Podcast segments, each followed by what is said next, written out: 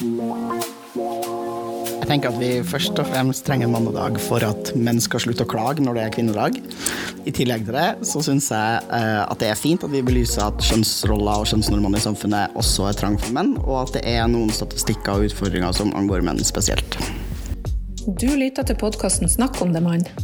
19.11 er den internasjonale mannsdagen.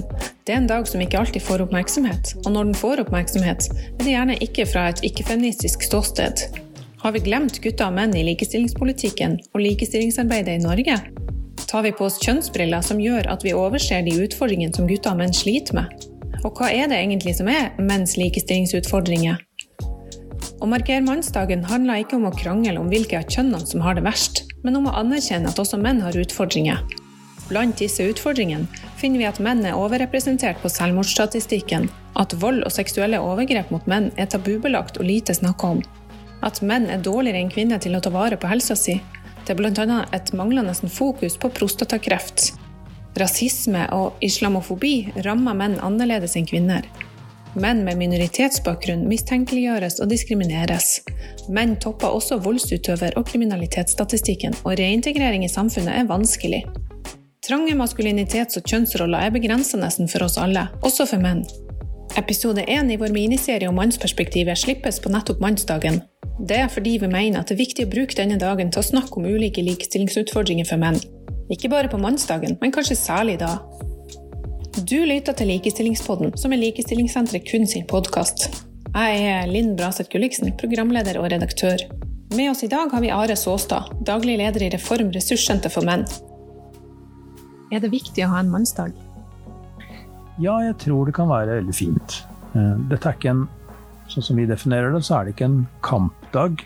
Man tenker jo gjerne på 8. mars når man tenker på et kjønn og en dag. På kvinnedagen. Og kvinnedagens historie er jo kampdagen for kvinners rettigheter. Og historisk så har jo det hatt en veldig stor betydning for nettopp å slåss fram de rettighetene som kvinner tidligere ikke har hatt, og som eh, nettopp har krevd en kamp. Og når det gjelder eh, menn, og menns likestillingsutfordringer, så tror ikke jeg at det er en kampdag vi skal kalle mannsdagen. Det er heller en dag for å markere at det finnes flere enn ett kjønn, også når vi snakker om likestilling. For det er jo dette du jobber med til vanlig? Ja, det er Reforms oppgave. Det er å påse at vi også husker at likestillingen omfatter gutter og menns utfordringer. Likestilling og likestillingsprosjektet har bare én vei å gå, og det er å bli bedre og bedre. Men det vi kanskje kan snakke om, er at eh, når det gjelder likestilling og gutter og menn, så er det noen områder vi har glemt, og som kanskje også i den pågående likestillingspolitikken, det såkalte likestillingsprosjektet i, i Norge, og, og, jeg vil også si Norden, eh, kanskje er områder hvor gutter og menn eh, til og med føler at den likestillingen som føres, ikke er til fordel for dem. Noen gutter og menn vil nok føle det. Kanskje noen vil også si at likestillingen har gått for langt. Jeg mener som sagt ikke det går an å si det, men jeg kan forstå at noen tenker sånn. Det er ikke lenge siden det kom en stor utredning som Camilla Stoltenberg var leder for, som så på eh, hvordan gutters utfordring på skolen er. Gutter faller jo fra i mye større grad i skoleverket enn det jenter gjør. Eh, spesielt i videregående skole. Og det er jo anerkjent etter hvert som et stort samfunnsmessig problem som vi må ta tak i. Men det kan også være andre områder. For F.eks. så vil jeg, og jeg snakker ofte om det også, eh, si at helseområdet er et område hvor vi har på mange måter glemt å ta med gutta og menn. Og det er det jo noen som reagerer på hvis jeg sier det, fordi Fortsatt så oppfattes det som at det er kvinner som er de som glemmes mest i helsepolitikken. Eh, og på mange måter så forstår jeg det. Kvinner har tradisjonelt vært underprioritert i helsevesenet. Eh, men i dag så er det kvinner man fokuserer på hvis man snakker om likestilling og helse. Og man glemmer å fokusere på at det også må være et fokus da på hvordan gutter og menn og deres situasjon er i den sammenhengen. Vi har f.eks. aldri i Norge gjennomført en mannshelseutredning. I Sverige og Finland har man gjort det. Og i Norge har man gjennomført to kvinnehelseutredninger. Nå er man i ferd med å lage en tredje NOU om kvinners helse. Og så har man også nevnt, i tillegg til det, eh, likestilling eh, og helse. Men så langt så ser det ut som Helse- og omsorgsdepartementet ikke har tenkt å ta med eh, tydelige stemmer som også snakker om at gutter og menn kan komme til å bli glemt i helse, og som blir glemt. Bl.a. ved at gutter og menn veldig sjelden går til legen. Fra de er små til de er gamle. Og det er en stor eh, utfordring i menns liv, fordi det betyr at de blir mer syke enn det de bør bli. Og de lever kortere enn kvinner.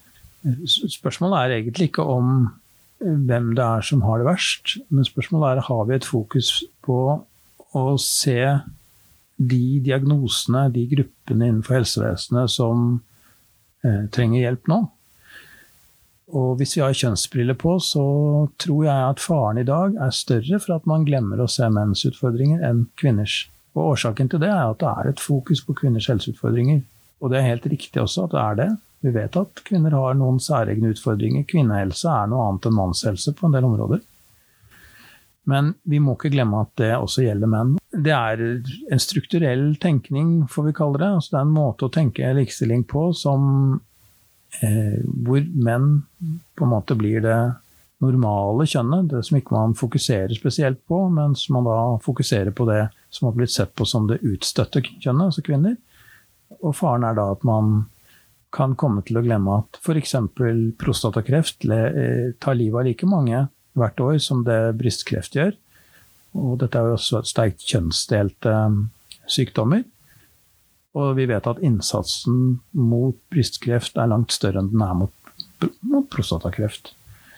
Eh, og mange lurer, lurer, selvfølgelig på da, hvorfor har man ikke fått et screeningprogram mot prostatakreft f.eks. Er det ikke på tide at man setter i gang det, så at man faktisk finner ut hvem som er disponert for det tidlig i livet, så man kan unngå ødelagte liv og, og dødsfall også blant uh, menn?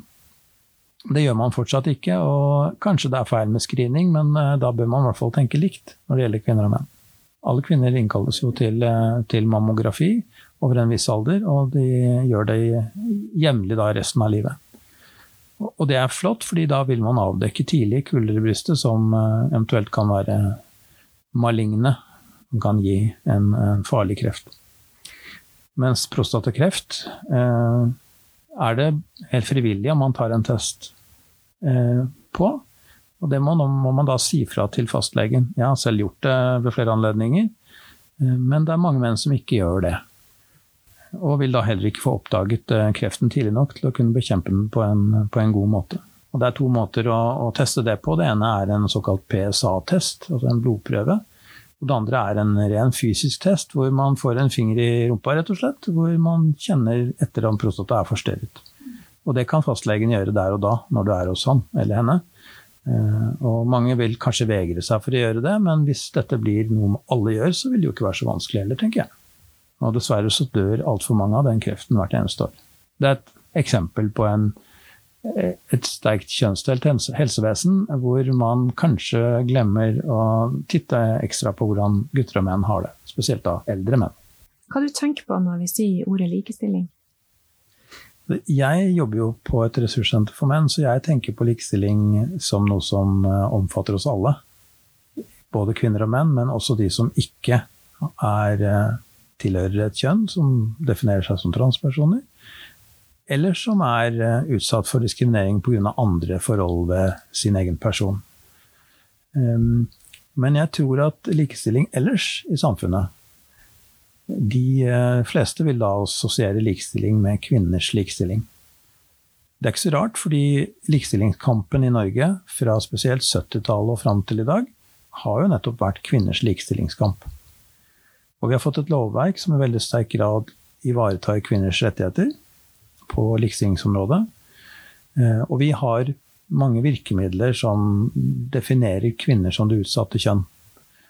Og det har også gitt eh, forbløffende gode resultater. Vi har fått en sterk bedring i kvinners likestillingssituasjon i Norge.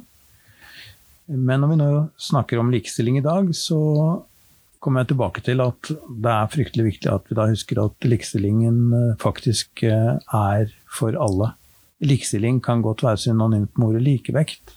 Og hvis vi ikke har en likevekt, så får vi rett og slett en ubalanse, og da er det ikke likestilling. Vil du si at kvinnebevegelsen og den likestillingspolitikken vi har som ledetråd i dag uh, i Norge, er representativ for det som rører seg i folket? Altså, kvinnebevegelsen har en historisk avgjørende viktig rolle for velferdsstaten i Norge. Jeg er veldig glad i å snakke om velferdsstaten og velferdsstatens utvikling. Og velferdsstaten er jo nettopp preget av at vi har et samfunn med minst mulig grad av ulikhet. Og diskriminering av et kjønn er et godt eksempel på en ulikhet vi vil vekk fra. Det kan være andre ting. Det kan være klasse, det kan være hvor man bor i landet, hva slags utdanning man har, man har osv. Men kjønnsdiskriminering er helt klart en, en, faktor som gjør samfunnet mer ulikt, og som derved også gir mer uro. Eh, derfor er kvinnebevegelsens historie viktig for å oppnå et bedre samfunn. Eh, men i dag så er det tegn som tyder på at kvinnebevegelsen ikke evner å tenke nytt når det gjelder å sette fokus på dagens utfordringer. Eh, jeg skal ikke si at det gjelder alle, og jeg skal ikke si at det gjelder hele kvinnebevegelsen, men spørsmålet er er de representative for befolkningen, f.eks.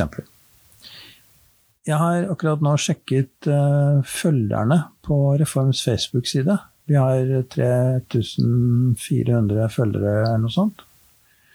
Um, og der er det en veldig interessant statistikk, for vi har omtrent like mange følgere som er kvinner og som er menn. Og det vil kanskje mange synes er rart, siden vi er et reformressurssenter for menn. Jeg syns ikke det er rart.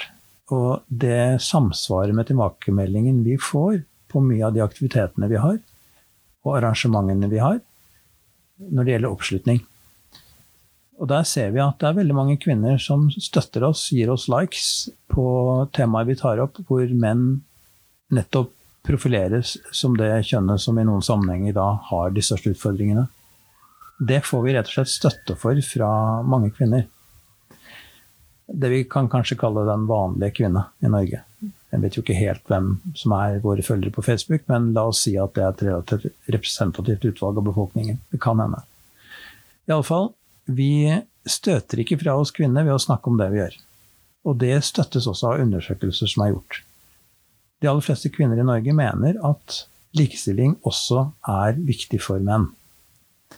Det tror jeg kanskje ikke kvinnebevegelsen i like stor grad har forstått. Det kan ha historisk betydning, eller historiske forklaringsmodeller eller årsaker. Fordi tidligere måtte man slåss for å komme dit man er i dag.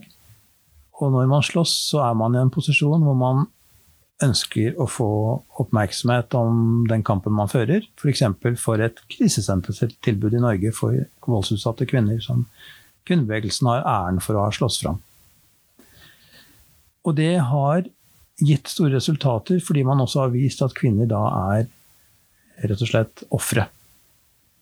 Men hvis man ikke endrer offertankegangen, og fortsetter den i retorikken for øvrig, og sier at kvinner er ofre for likestillingen, og snakker om f.eks. et patriarkat som undertrykker dem, så tror jeg man ikke treffer eh, den norske mann og kvinne der ute. Eh, det vil ikke forstås, fordi det samsvarer ikke med hvordan folk ser at samfunnet er. La meg ta et eksempel på det. Veldig mange kvinner og menn kjenner noen, har en familiemedlem, en bror, en, en, en far eller en bekjent, som har vært utsatt eller gått gjennom et samlivsbrudd.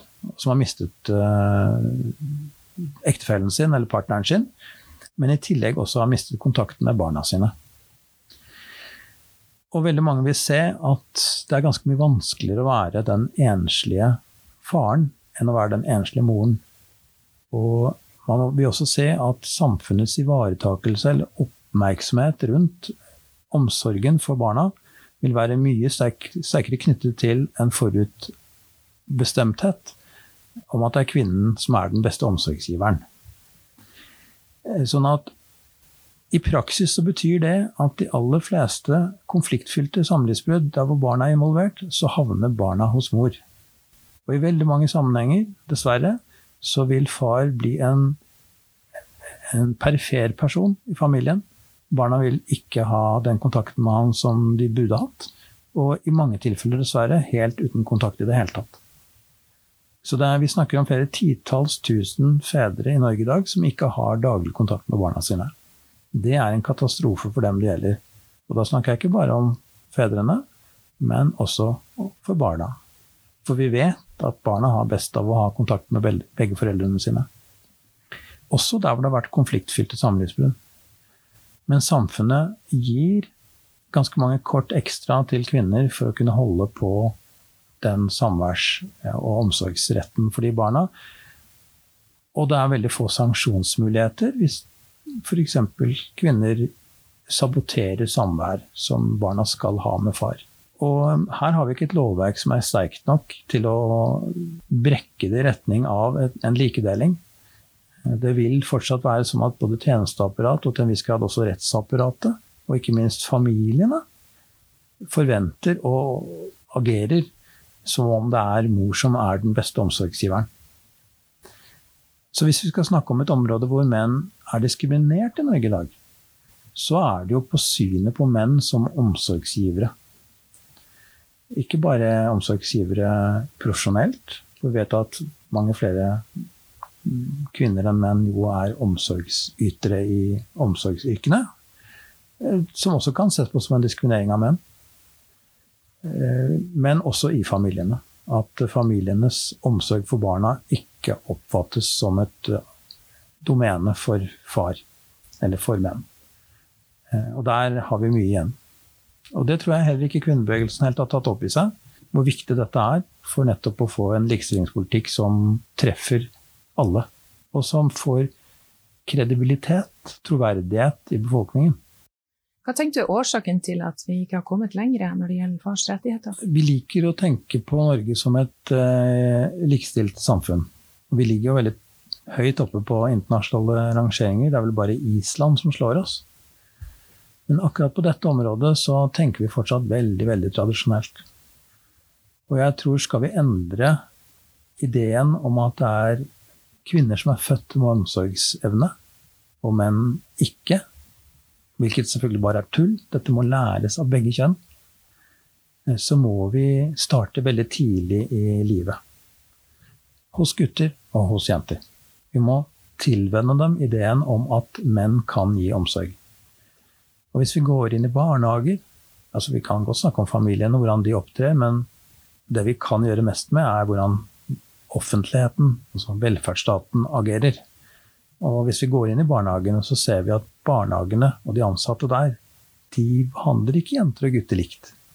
Mange steder gjør de sikkert det. Men generelt er det sånn at vi fortsatt ser på det som mer greit f.eks. at gutter slåss enn at jenter slåss. Med andre ord så er vold en verdi som man ganske tidlig i livet til barna sier at det er greit at gutter driver med, men det er ikke så greit at jenter driver med det. Og det vet vi fortsetter. Det samme gjelder ivaretakelsen av egen helse det å se på kroppen sin som noe man skal ta hensyn til, gå til helsesykepleier på skolen, det gjør jo ikke gutter.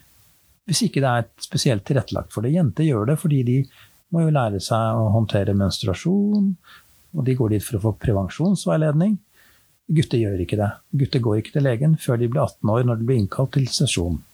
Hvis ikke De har vært, de går selvfølgelig sammen med mamma og pappa, vanligvis mamma, til legen når de er små.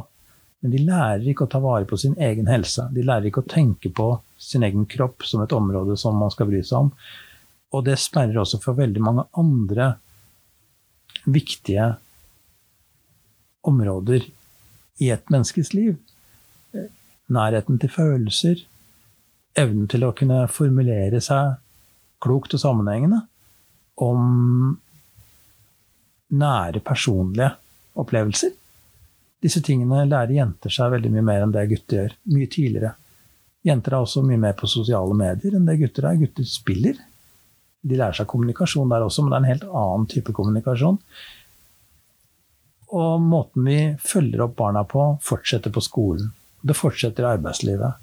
Vi får rett og slett veldig kjønnssegregert samfunn fordi vi ikke tidlig lærer oss å se at også gutter har noen utfordringer at gutter må læres på samme måte som jenter til å bli aktive individer i det likestilte samfunnet. Og Det tror jeg er mye av årsaken også til at vi får de ekstreme utfallene når det gjelder gutter. Det er der vi får de mest ekstreme kroppsødeleggelsekulturene, f.eks.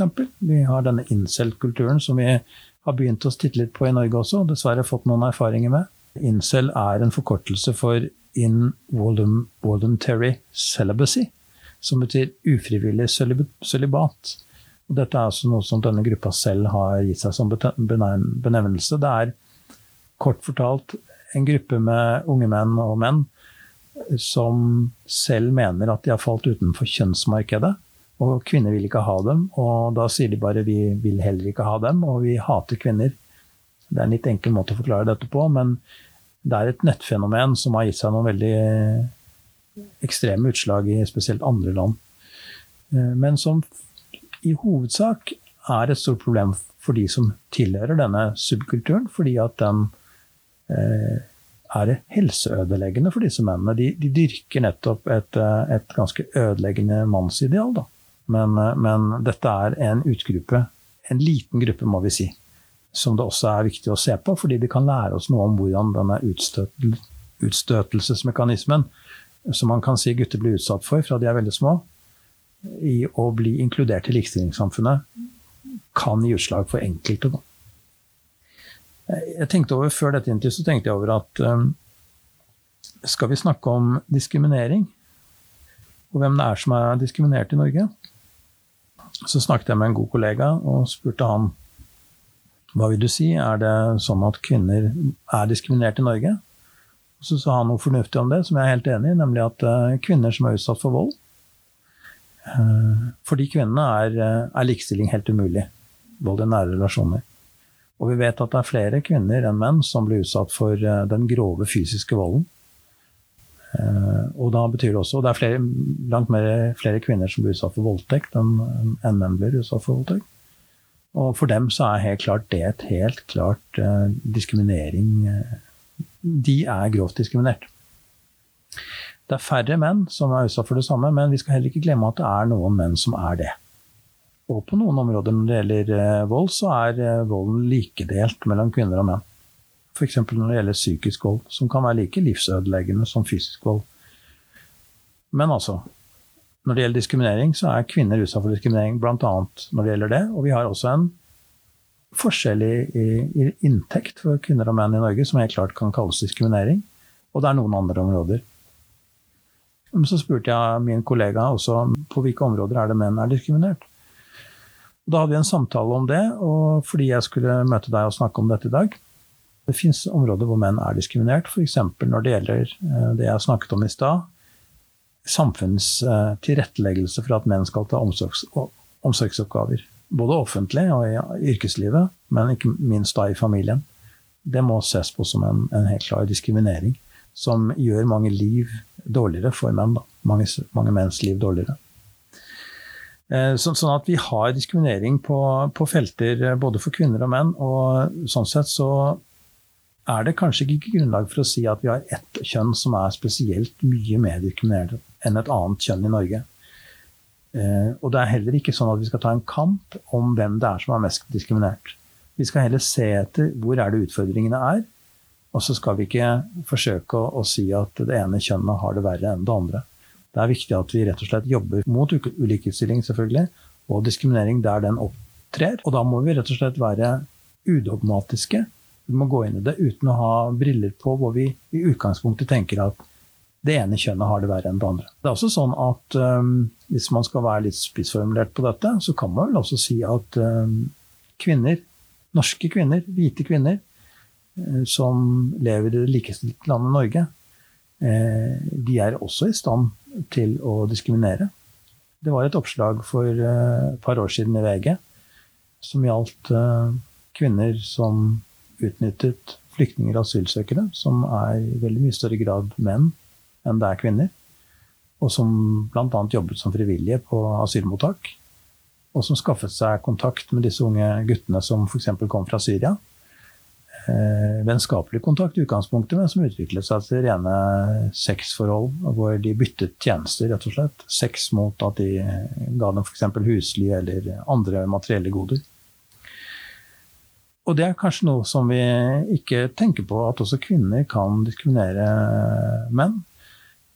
Og spesielt når diskrimineringen rammer på områder hvor det er andre diskrimineringsgrunnlag som er det utslagsgivende. F.eks. i dette tilfellet da mennesker med en annen etnisk bakgrunn og en helt annen sosioøkonomisk status, som det heter. Altså flyktning, kommer til Norge, ung, uutdannet, eller i hvert fall kan ikke språket. Har ingen penger, har ingen sted å bo, ingen slektninger. Veldig overlatt til seg selv. Det er klart at dette er mennesker som da er veldig utnyttbare, også for kvinner. Eller det kan være funksjonshemmede. Og man kan kanskje være funksjonshemmet og kvinne.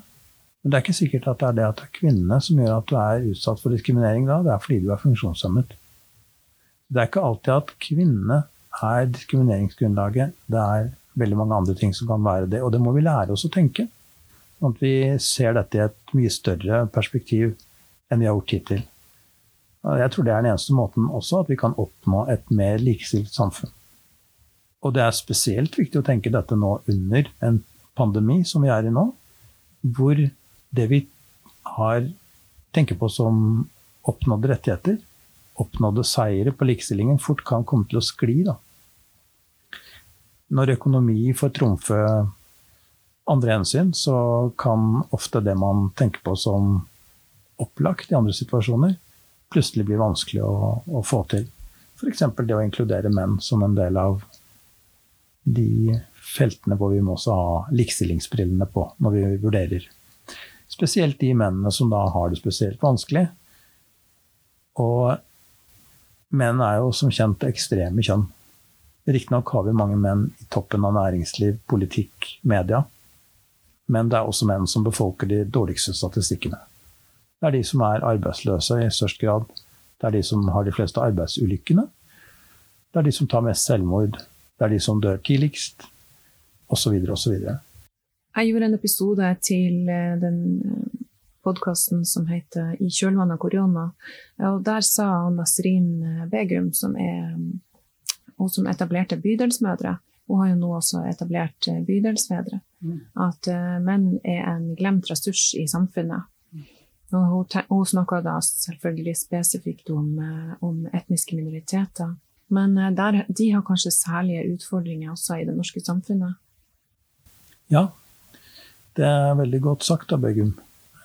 Og det er flott at det tas opp av en minoritetskvinne. Fordi er det én ting norske kvinnebevegelsen kanskje har glemt, så er det å snakke om minoritetene. Og også minoritetskvinner. Og når minoritetskvinner, som veldig ofte blir glemt, eh, også trekker fram, som hun gjør, eh, minoritetsmenn som en utsatt eh, gruppe, eh, så skal vi lytte. Og det stemmer også med våre erfaringer at minoritetsmenn veldig ofte ses på som problemet, og ikke som ressursen. Vi har lært oss etter hvert å tenke at minoritetskvinner eh, må vi hjelpe til arbeid, til språk, til, eh, til å bli integrert. Og mange av de tiltakene virker heldigvis. I hvert fall når de blir satt inn. Det er ikke alltid det skjer. Men kvinner blir fulgt opp av helsevesenet f.eks. For i forbindelse med graviditet, fødsel eh, og barn. Mens mennene veldig ofte faller ut av den sammenhengen der. De er ute og kjører taxi, eller de, de er andre steder. Og det betyr også at eh, Eller kanskje ikke de har arbeid i det hele tatt, selvsagt. Og det betyr at eh, de heller ikke lærer seg språket like godt som det kvinner gjør.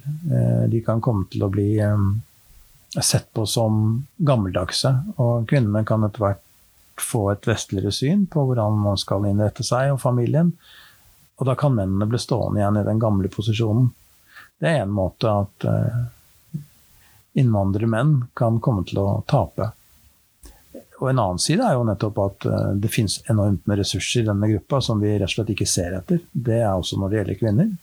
Men også innvandrermenn har jo veldig ofte, spesielt når de kommer fra et land som Syria f.eks., høy utdanning. De kunne vært økonomer, de kunne vært kanskje leger eller jurister, men det blir de ikke satt til. Og, så her er det et stort område som uh, hun har helt rett i, at uh, her er det ressurser vi har å hente. Og hvor vi da glemmer innvandrermannen. Uh, og det her, i dette tilfellet vil jeg jo si at her vil det å være mann være en ulempe. Fordi at vi har et større fokus på hvordan vi skal ivareta kvinnene. Og her vil det å være innvandrer i tillegg gjøre dette fryktelig vanskelig. Sånn at her er det flere diskrimineringsgrunnlag, eller altså det vi kaller for kryssende diskriminering, da, som slår inn.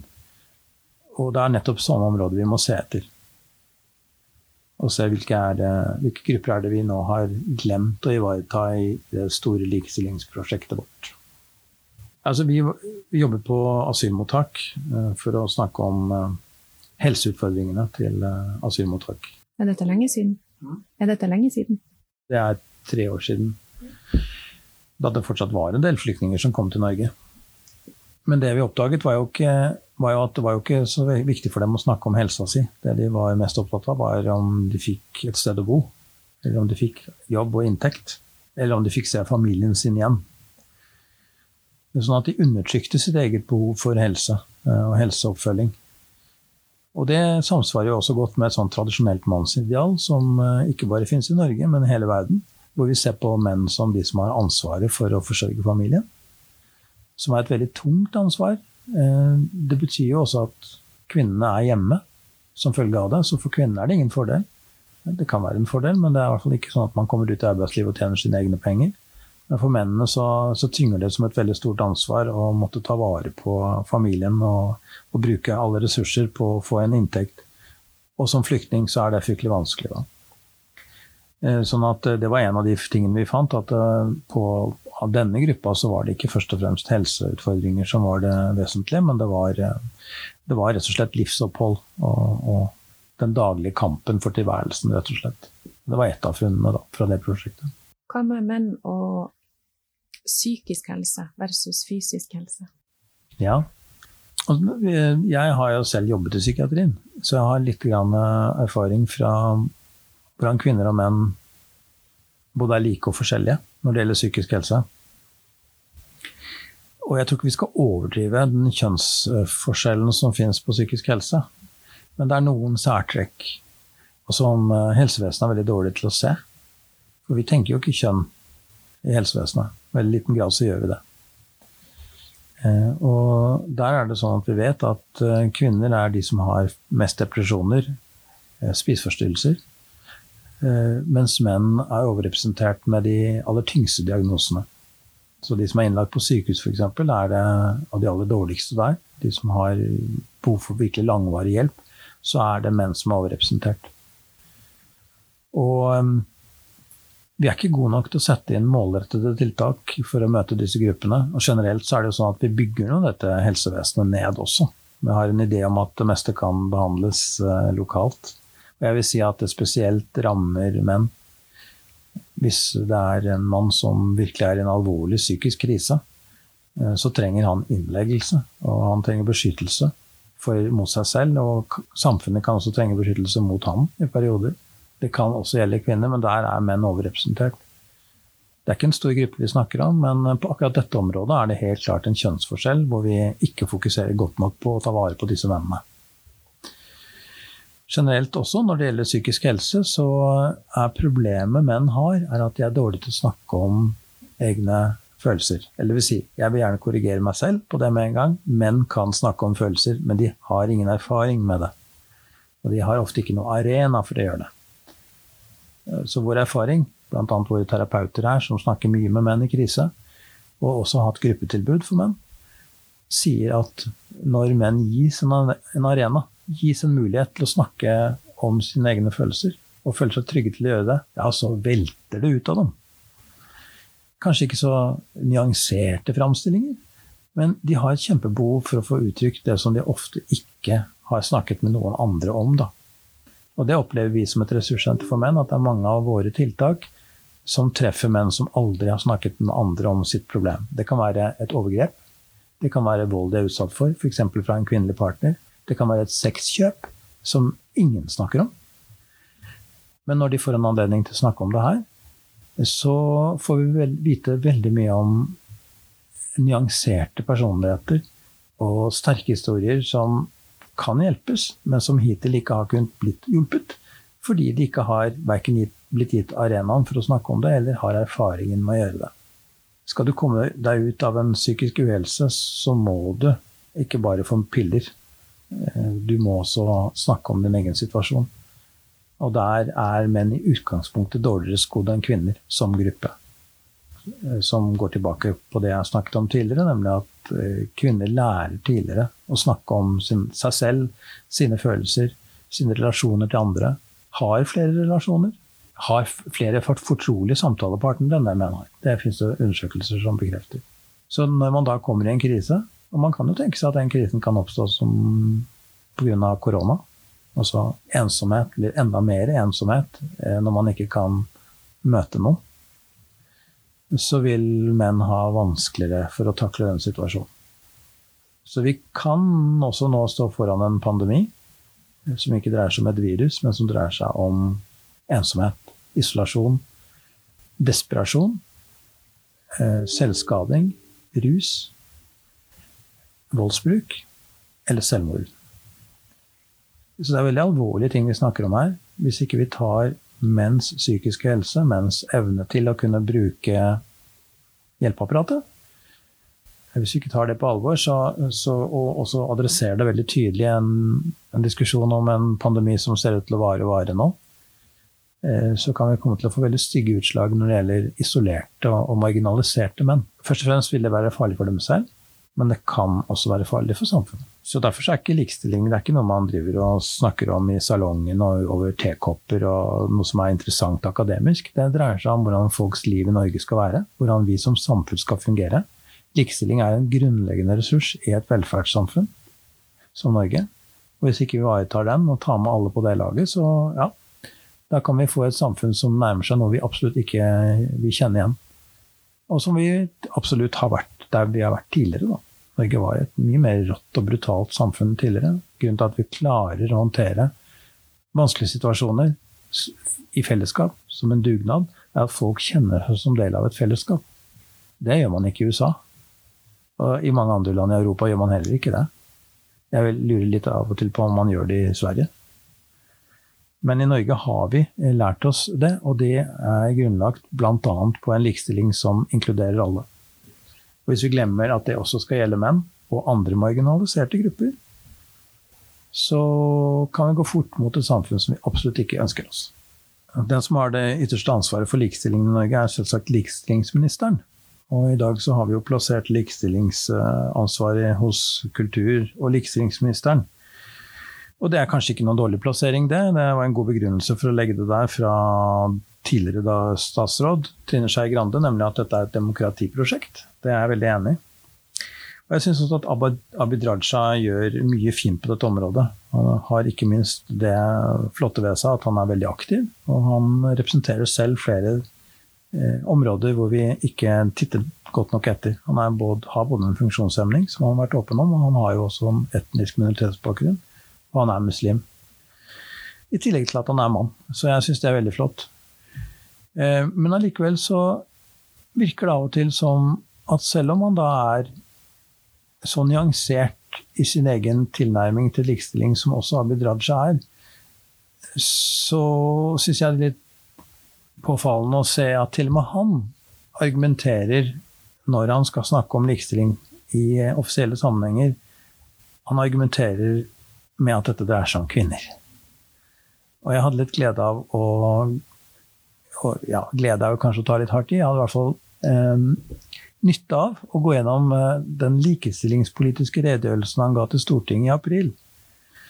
Som jeg syns eh, var interessant, fordi at eh, jeg telte rett og slett hvor mange ganger han sa kvinner og jenter, og hvor mange ganger han sa gutter og menn. Og da sa han kvinne, eller kvinner, 92 ganger. Han sa jenter 19 ganger. Til sammen blir det 111 ganger, nevnte han kvinnekjønnet på en eller annen måte. Mens han nevnte menn 35 ganger og gutter 5 ganger. Og det blir 40 ganger. Og, det viser i utgangspunktet en veldig stor eh, overvekt av argumentasjon som dreier seg om kvinners liv. Og det enda mer interessante er hvis man går inn og ser når er han nevner gutter og menn. Jo, i veldig mange sammenhenger så er det da på en negativ måte. Menn må gi kvinner mer likestilling. Altså, da vil jo menn bli telt med, men det er da som en måte verktøyet for at kvinner skal få det bedre.